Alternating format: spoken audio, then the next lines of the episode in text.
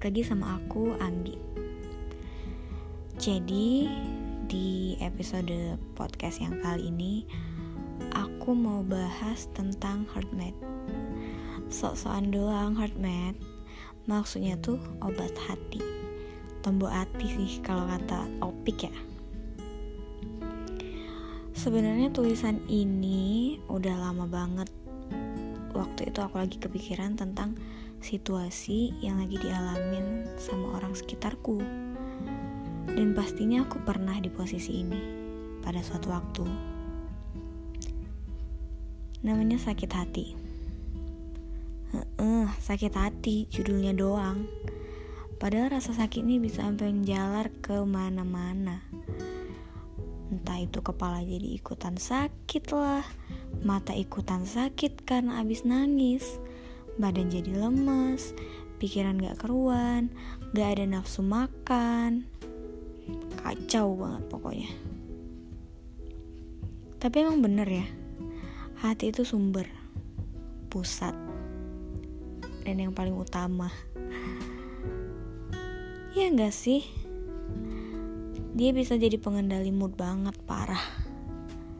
Makanya kalau kita lagi happy, kesehatan kita bakalan jadi ikutan bagus.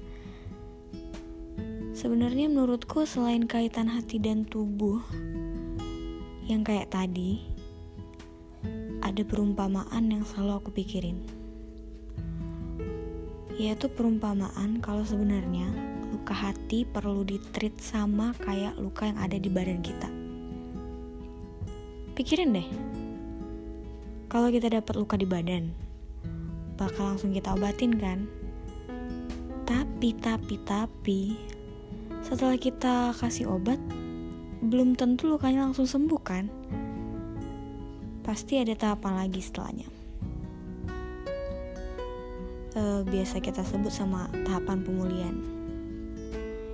Entah itu bakal meninggalkan bekas atau enggak, kalau lukanya parah, pasti lebih lama waktu yang dibutuhin buat sembuh dan juga effortnya lebih besar daripada ngobatin luka yang kecil. Gitu juga halnya dengan hati. Kalau habis diobatin, kan belum tentu langsung sembuh ada tahapan di mana kamu harus ngerti kalau itu terjadi karena sesuatu yang buruk udah terjadi. Kita butuh waktu untuk memulihkan rasa sakitnya. Treat diri kita dengan baik. Hati-hati kalau misalnya bakal lakuin hal yang sama lagi. Karena nanti jadi luka lagi. Luka hati butuh keberanian dan ketegasan kalau emang mau sembuh. Tapi ada satu yang perlu diingat. Sama kayak luka badan yang kalau belum sepenuhnya sembuh tapi karena kita gatel banget pengen ngelupasin itu bekas lukanya pasti bakal keluar darah lagi ya kan? Ngaku. Kalau udah keluar darah jadi luka lagi deh. Luka baru yang ada di luka lama yang belum sembuh. Nah, ketimpa-timpa deh itu luka. Sama kayak hati. Kalau misalnya kita belum sembuh, tapi kita udah ngerasa kayak, ah kayaknya gue baik-baik aja deh. Belum tentu. Kalau mau kita kupas lagi, kalau mau kita ingat-ingat lagi, kalau mau kita gali lagi, atau dicari lagi penyakitnya, ya bakalan gak sembuh-sembuh lah. Susah. Kayak badan tadi, dia bakal berdarah lagi, luka lagi di tempat yang sama.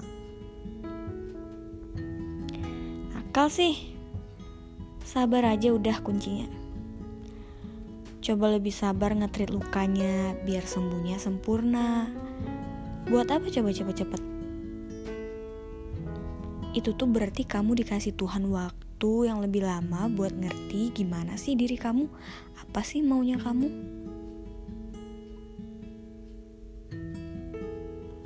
Luka yang udah sembuh juga ninggalin bekas.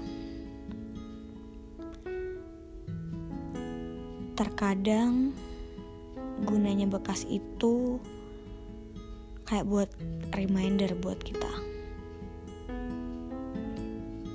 kayak oh iya luka ini dulu karena gue jatuh dari pohon.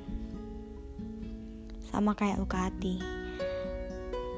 Pasti nggak bakal lupa deh. Pasti nggak bakal lupa sampai kapan pun. Itu bekasnya tuh maksudnya itu ingatan. Kita bakalan ingat kalau misalnya ada sesuatu yang mirip-mirip atau sesuatu terlintas pasti kita ingatnya oh gue dulu pernah sakit hati nih gara-gara masalah ini Tapi sebenarnya bekas luka itu juga punya arti yang penting buat kita. Sebagai pengingat, kalau misalnya dari luka itu kita udah dapat pelajaran. Pelajaran yang berharga banget yang bisa buat kita ke depannya bisa ngadepin masalah yang kayak gitu lagi dengan lebih baik.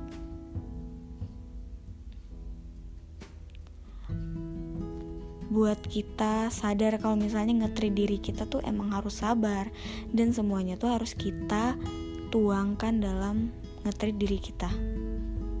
Come on, love yourself.